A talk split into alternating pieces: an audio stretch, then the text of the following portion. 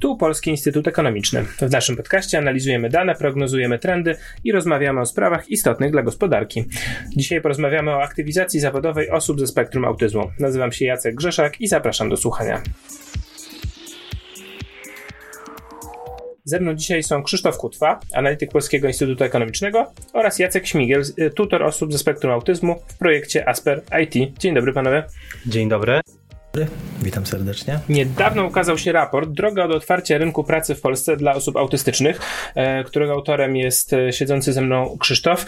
E, ten raport pokazuje korzyści potencjalne dla gospodarki z aktywizacji osób ze spektrum autyzmu, bądź też koszty w przypadku braku tych, tej aktywizacji, ale postanowiliśmy dzisiaj zaprosić też praktyka, osobę, która zajmuje się właśnie wspieraniem osób ze spektrum autyzmu we wchodzeniu na rynek pracy, po to, żeby posłuchać od praktycznej praktycznej strony e, tego, jak wygląda ta droga na rynek pracy osób ze spektrum. To może na początek w takim razie w, pierwsze pytanie, e, żeby przybliżyć naszym słuchaczom samo pojęcie autyzmu, e, pojęcie spektrum autyzmu, bo też po, posługuje się celowo tym, tym określeniem spopularyzowanym w ostatnim czasie e, i pojęcie e, neuroróżnorodności z tym związane. Co, co znaczą to pojęcie? W takim razie pytanie do pana Jacka. E, tak, neuroróżnorodność e, tak bardzo ogólnie i szeroko nawiązuje do pojęcia bioróżnorodności w ogóle wszystkich istot żywych i dotyczy neuro, neurologicznej różnorodności przedstawicieli naszego gatunku, e, a objawia się tym, że każdy człowiek w różny sposób, w różnym zakresie funkcjonuje i ich mózg każdego człowieka też w różny sposób funkcjonuje. Przejawia się to różnicami w, w wielu cechach neuropoznawczych, neurokognitywnych. Ta ekspresja tej różnorodności objawia się w towarzyskości, w emocjonalności, wrażliwości sensorycznej, w różnych zdolnościach, postrzeganiu, cechach charakteru, osobowości. Więc można powiedzieć, że e, każdy z nas, każdy człowiek jest na tej skali neuroróżnorodności. Każdy jest inny, każdy jest indywidualny. Natomiast jeśli chodzi o spektrum autyzmu, to e, spektrum autyzmu e, charakteryzowane kiedyś definiowane e, zresztą do dzisiaj jako zaburzenie neurorozwojowe, dzięki paradygmatowi neuroróżnorodności troszkę zaczęło zmieniać swój wydźwięk. Samo pojęcie autyzmu postrzegane przez paradygmat neuroróżnorodności właśnie przestaje być akcentowane jako zaburzenie, natomiast jest tutaj mowa, ta narracja dotyczy e, tej różnorodności, które wykazują osoby E, osoby z autyzmem, e, osoby właśnie, które funkcjonują w spektrum autyzmu. Czy wiemy, jak częsty jest to obecnie problem i jak często diagnozowany jest e, autyzm i jak to się zmieniało na przestrzeni ostatnich lat? Bo też widziałem, że w, w Twoim raporcie jest na ten temat. Tak, zdecydowanie. W latach 80. występowanie spektrum autyzmu diagnozowano u jednego dziecka na 2000, czyli to było 0,05%, a obecnie obecnie ogólnoświatowe statystyki wskazują, że może ono występować u jednego dziecka na 100, czyli to jest 1%. I to jest oficjalna statystyka, która e, obowiązuje tak naprawdę na całym świecie, czyli ten 1%. Warto tutaj też dodać, że w Polsce liczba uczniów, u których e, rozpoznano autyzm, corocznie zwiększa się o około 20%. My jeszcze do tego 1% nie dobiliśmy, e, ale ten trend 20% rocznie wskazuje na na to, że, że niebawem e, ten pułap osiągniemy. Ale myślisz, że można założyć, że ten 1% to jest taki pułap górny rzeczywiście, czy są trendy cywilizacyjno-zdrowotne, które powodują, że to może rosnąć w najbliższych latach? Wydaje mi się, że ten 1%, który też podaje WHO, to jest ten górny limit. Pewnie to się gdzieś tam między populacjami, między krajami różni, ale, ale to jest taka uśredniona wartość, czyli należy ją traktować jako powiedzmy pewnego rodzaju wyznacznik. Czyli mamy co, sporą grupę można powiedzieć, rosnącą grupę osób, e, zarówno dzieci, jak i dorosłych, osób wchodzących na rynek pracy, to pytanie w takim razie w, w, do pana Jacka z, z, doświadczenia, w, z doświadczenia waszej firmy, waszego projektu, jak takie osoby ze spektrum radzą sobie na rynku pracy? No właśnie, jak popatrzymy na statystyki, to dosyć słabo, e, bo w państwa raporcie można przeczytać, że 2% osób autystycznych w Polsce wykonuje pracę zarobkową, 10% w Europie. W Unii Europejskiej. No, Wielka Brytania ma najwyższe wskaźniki na tle pozostałych krajów, bo tam 27% z kawałeczkiem osób w spektrum od 16 do 64 roku życia, tak podaje Narodowy Urząd Statystyki Wielkiej Brytanii. Więc no, to pokazuje tylko, zwłaszcza na tle osób z różnymi niepełnosprawnościami, że jest to znacznie poniżej, znacznie poniżej tego, e, tego wskaźnika zatrudnienia osób e, z niepełnosprawnościami. I tutaj przyczyn jest e, bardzo dużo. Te przyczyny niestety są strukturalne, bo już się zaczynają od etapu wykształcenia. My badając historię życia naszych beneficjentów, osób, z którymi współpracujemy, które wspieramy, aktywizujemy zawodowo, widzimy, że już na etapie szkolnictwa te osoby mają mm, niewłaściwe wsparcie, nie są niewłaściwie ukierunkowane zostają podejmowane niewłaściwe decyzje co do kierunku rozwoju edukacyjnego i zawodowego. E, brak jest tam oparcia na mocnych stronach, brak jest zrozumienia słabych stron, ograniczeń, kompensowania ich, więc to wszystko, co później niestety wypłynie w praktyce na rynku pracy, już y, zaczyna być y, jakby przyczyny tkwią w, w systemie kształcenia. Ono jest niestety niedostosowane do osób ze spektrum. Nie ma tam tego typu dostosowań, e, które, które chyba powinny być takie, takie ramowe i takie e, systemowe. No później samo znalezienie pracy, ponieważ większość procesów rekrutacyjnych jest nieodpowiednich dla osób ze spektrum e, autyzmu. My widzimy tą nieodpowiedniość już na etapie ogłaszania e, profilu kandydata. Jest tam wiele często wymienianych e, informacji, Y, które są niespójne, y, wiele wymagań, które tak naprawdę są niewymagane, a z którymi osoby ze spektrum się nie utożsamiają. E, więc to jest sam proces rekrutacji, który de facto jest jakimś konkursem osobowości, prawda? Też e, no, nie sprzyja osobom ze spektrum, nie sprzyja tym, żeby one w takim procesie rekrutacji zaistniały, bo one nie są niestety mistrzami autoprezentacji. E, one świetnie potrafią wykonywać różne zadania, natomiast często nie dochodzą do tego momentu, kiedy mają taką szansę, żeby zaprezentować się od tej strony takiej zadaniowej, kompetencyjnej. No i trzeci aspekt, utrzymanie takiego miejsca pracy. Jeśli ktoś już zdobędzie pracę, e, jest bardzo dużo czynników ryzyka, czyli e, te czynniki ryzyka wynikają przede wszystkim z pewnych niezaspokojonych potrzeb, e, niezrozumienia zachowań takiej osoby, czy też niewłaściwego sposobu sposobu reagowania na zachowania osoby, niewłaściwe oczekiwania wobec tej osoby, ale też niezaspokojanie oczekiwań e, osób ze spektrum w miejscu pracy, oczekiwań dotyczących właśnie dostosowania chociażby warunków, otoczenia takiego miejsca pracy, e, wsparcia w wykonywaniu zadań, e, stylu komunikacji, stylu zarządzania itd. Tak Więc tych kłopotów y, jest dużo i w związku z tym no niestety te statystyki są, y, są takie jakie są.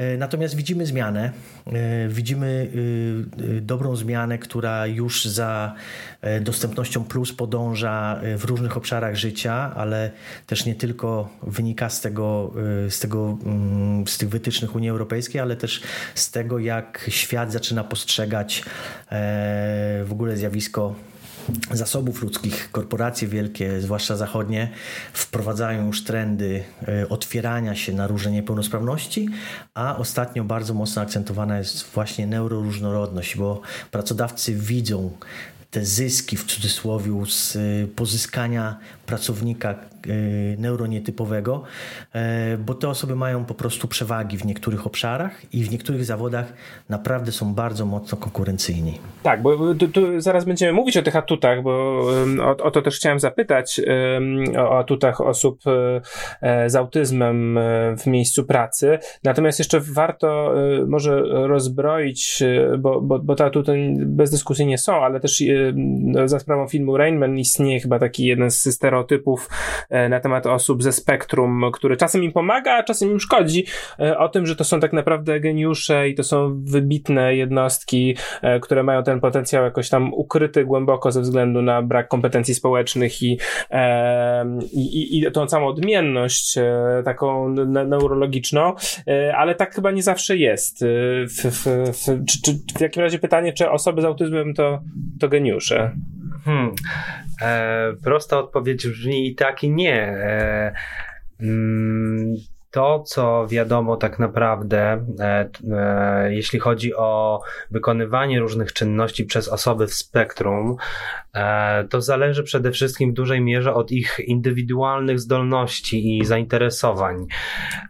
Można jednak uchwycić pewne wspólne, bardzo pozytywne cechy z perspektywy pracodawców. Chodzi tu zwłaszcza o duże przywiązanie do szczegółów i drobiazgowości w działaniu oraz postępowanie zgodnie z zasadami Cechy te są przydatne w zajęciach wymagających e, i dokładności, i skrupulatności, i koncentracji, i bardzo dużej cierpliwości, czy pamięci do faktów i liczb, Um, mogą, e, mogą się one także znakomicie sprawdzić e, przy wprowadzaniu danych do arkuszy kalkulacyjnych, czy po, jeśli chodzi o bardziej skomplikowane bazy danych, jeśli chodzi też o edycję tekstu, wyłapywanie drobnych, trudnych do e, zauważenia przez przeciętnego człowieka błędów. E, osoby w spektrum świetnie się też odnajdują, jeśli chodzi o katalogowanie, e, archiwizowanie. Także zakres tych powiedzmy ponadprzeciętnych umiejętności, które posiadają zazwyczaj osoby w spektrum, są nieporównywalnie większe, jeśli chodzi o taką przeciętną osobę, która w tym spektrum nie jest. E, do pewnego stopnia można to uznać za pewne cechy ponadprzeciętne i, e, i wyjątkowe, i pewnie one takie właśnie są. E, geniusze się także zdarzają, ale myślę, że to jest y, taki sam podobny procent jak w populacji ogólnej. Także e, ten mit e, filmu, o którym wspomniałeś, jest, e, jest po prostu mitem. Tak? Nie każda osoba w spektrum jest wybitym geniuszem, tak jak nie każda przeciętna osoba, która w spektrum nie jest też tym geniuszem, nie jest.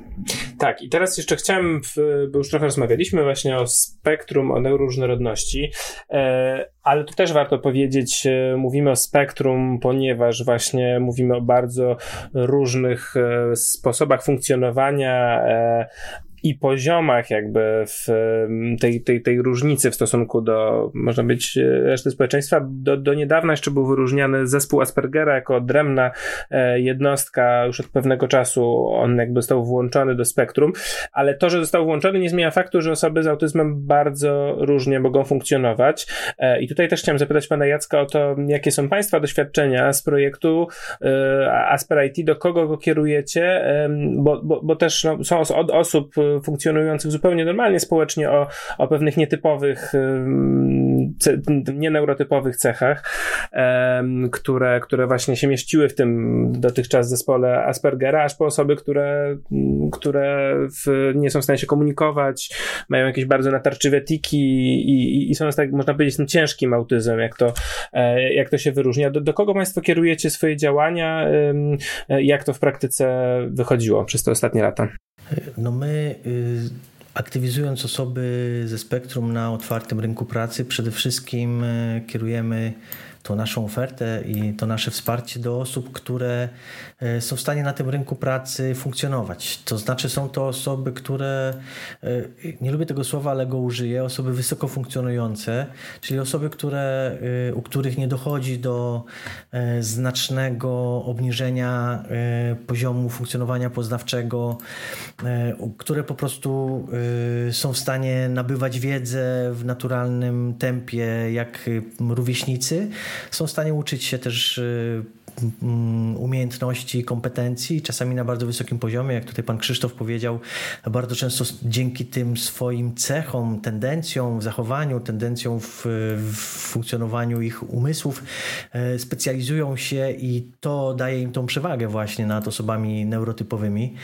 E, my kierujemy nasze wsparcia właśnie do takich osób, które e, są w stanie podejmować na otwartym rynku pracy, niewspomaganym pracę i, i to są nasi beneficjenci, czyli osoby, które, e, które już mają jakieś wykształcenie formalne, e, techniczne lub inne, albo które chcą lub są w stanie się przekwalifikować i, i, i zdobywać tą pracę. E, w naszej nazwie Asper IT sugeruje, że zajmujemy się branżą IT i rzeczywiście to jest nasz core. To jest to, czego wyszliśmy, na czym się opieramy, bo widzimy, że osoby ze spektrum są, mają bardzo duże tutaj predyspozycje w tej branży, w różnych zawodach, tak jak też pan Krzysztof tu wymieniał te zawody, ale nie tylko branża IT, bo też analiza danych i właśnie inne, inne obszary związane w ogóle z liczbami i z, z obrabianiem, prze, prze, przerabianiem tych liczb.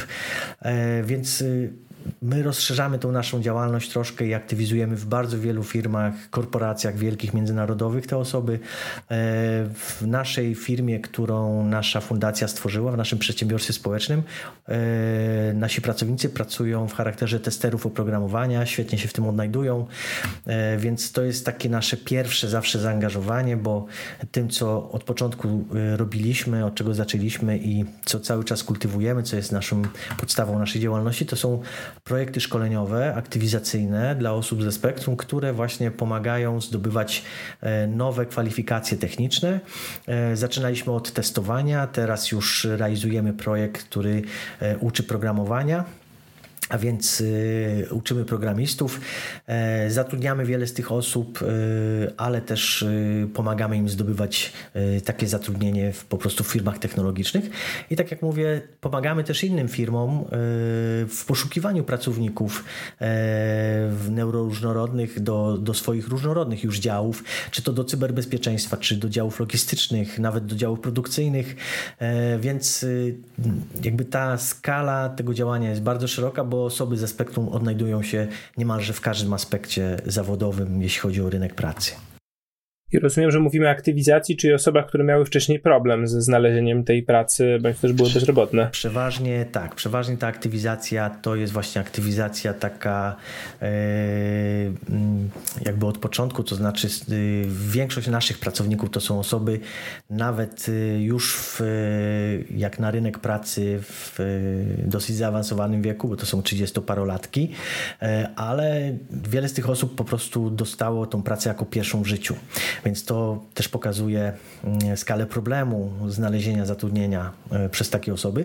Niemniej jednak ta aktywizacja e, w naszym pojęciu i w naszym działaniu oznacza też e, znajdywanie lepszego miejsca pracy albo odnajdywanie miejsca pracy przyjaznego, które zagwarantuje pewną stałość i stabilność, bo też to, co obserwujemy niestety w historiach życia naszych beneficjentów, to jest cykliczna utrata miejsc pracy, której, która nawet jeśli zdobywana z wielkim trudem, to, to jest stracona właśnie z powodu tych czynników krytycznych, o których wcześniej mówiłem. Teraz chcę Cię zapytać, Krzysztof, jeszcze o, o raport, bo nawiązaliśmy do niego na początku. E, chcę zapytać o, o Wasze rekomendacje, ale w zasadzie też nie zapytałem o kluczowe, kluczowe liczby, o to, jakie, jakie są te wyliczenia w, dotyczące e, obciążenia finansowego z mm, braku aktywności zawodowej, niewspierania tej aktywności zawodowej osób e, ze spektrum autyzmu, czy też jakie są potencjalne korzyści dla nas, dla polskiego społeczeństwa w wypadku tej aktywizacji? My w naszej analizie przeprowadziliśmy tak naprawdę taką prognozę wpływu aktywizacji zawodowej osób autystycznych na polską gospodarkę w trzech scenariuszach i e, one przejmują różne założenia, ale biorąc pod uwagę taki scenariusz umiarkowany, to średnioroczny impuls wzrostu PKB e, sięga blisko 17 miliardów e, złotych. I to są tylko osoby w spektrum, ale też trzeba pamiętać o, o opiekunach tych osób, ponieważ część z nich albo nie może pracować, bo się opiekuje e, swoim dzieckiem czy podopiecznym, albo pracuje na pół etatu. I tutaj mamy też e, potencjalne utracone korzyści, które sięgają blisko 12 miliardów złotych. Tak, bo to warto chyba rzeczywiście dodać, że mówimy z jednej strony o nieaktywnych zawodowo osobach dorosłych, ale też z drugiej strony, tak jak mówisz, o osobach, innych osobach dorosłych, ich opiekunach. Związanych z nimi. Które są związane i też do, często związane całodobowo, całodobową pracą. Otóż to, otóż to, jeśli chodzi też o taką kluczową liczbę, która pokazuje powiedzmy skalę i problemu i korzyści,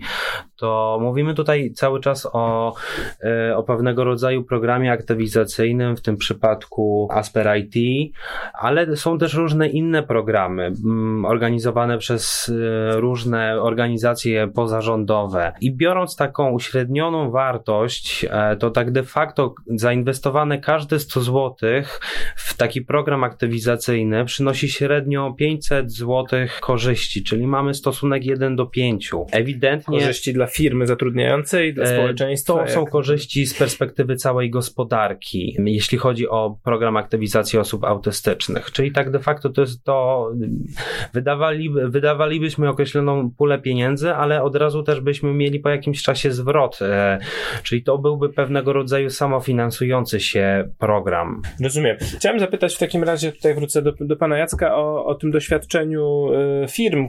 Po raz po drugiej stronie pytają państwo doświadczenie, komu pomagaliście, komu pomagacie w, w znalezieniu pracy, jak aktywizujecie. Chciałem też zapytać o, o, doświadczenia firm e, pod kątem też być może przyszłych firm e, i właścicieli, którzy być może nas dzisiaj słuchają, o czym powinni, bo już powiedzieliśmy trochę o tych potencjalnych korzyściach dla firmy e, związanych z, z, kompetencjami, które są wyżej rozwinięte u osób nieneurotypowych, ale też może zapytać o to, jak takie firmy powinny się przygotować, o czym powinny pamiętać, o czym powinny pomyśleć. No ja przede wszystkim chcę zauważyć, że coraz więcej firm jest świadomych wartości e, zasobów ludzkich w tej grupie. E, i rzeczywiście upatruje tego źródła zasobów ludzkich i coraz częściej sięga do grupy osób e, neuronietypowych, widząc właśnie ten potencjał tej grupy, ale żeby skorzystać z tego potencjału, żeby być w stanie mm, jakby dostrzegać tą jakość pracy, którą niosą osoby ze spektrum i, i tą wartość y, w ogóle zespołów neuroróżnorodnych, nie, niewątpliwie trzeba y, dbać o potrzeby tych osób, trzeba spełnić ich oczekiwania co do różny, różnorodnych warunków, warunków otoczenia, sposobu komunikowania się, więc punktem wyjścia dobrym dla takiej firmy zawsze jest zbudowanie wiedzy na temat spektrum autyzmu, na temat istoty, podniesienie świadomości w ogóle wszystkich w firmie e, i czego dotyczy to zjawisko, to, y, to zaburzenie i e, budowanie tak naprawdę na takiej wiedzy później całego procesu rekrutacji, zatrudnienia, wsparcia jest bardzo sensowne i bardzo skuteczne i efektywne.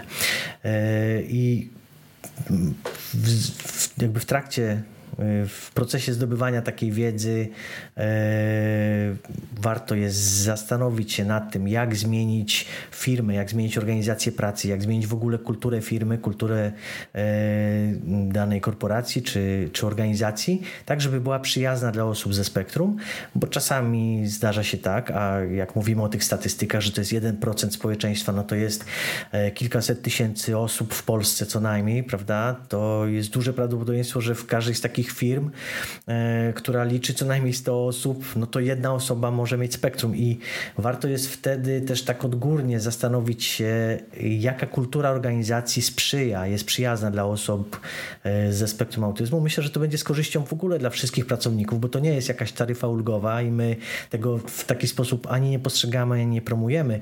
E, wręcz przeciwnie, jest to taki zakres działań i taka zmiana jakościowa kultury firmy, która pomaga wszystkim, która podnosi jakość pracy i komfort w ogóle każdego pracownika. Więc myślę, że to jest taka pierwsza rzecz, na którą trzeba zwrócić uwagę, mając taki zamiar i, e, i doceniając w ogóle e, osoby ze spektrum jako bardzo cenne źródło zasobów ludzkich. Nasza rekomendacja jest zawsze zatrudniajcie.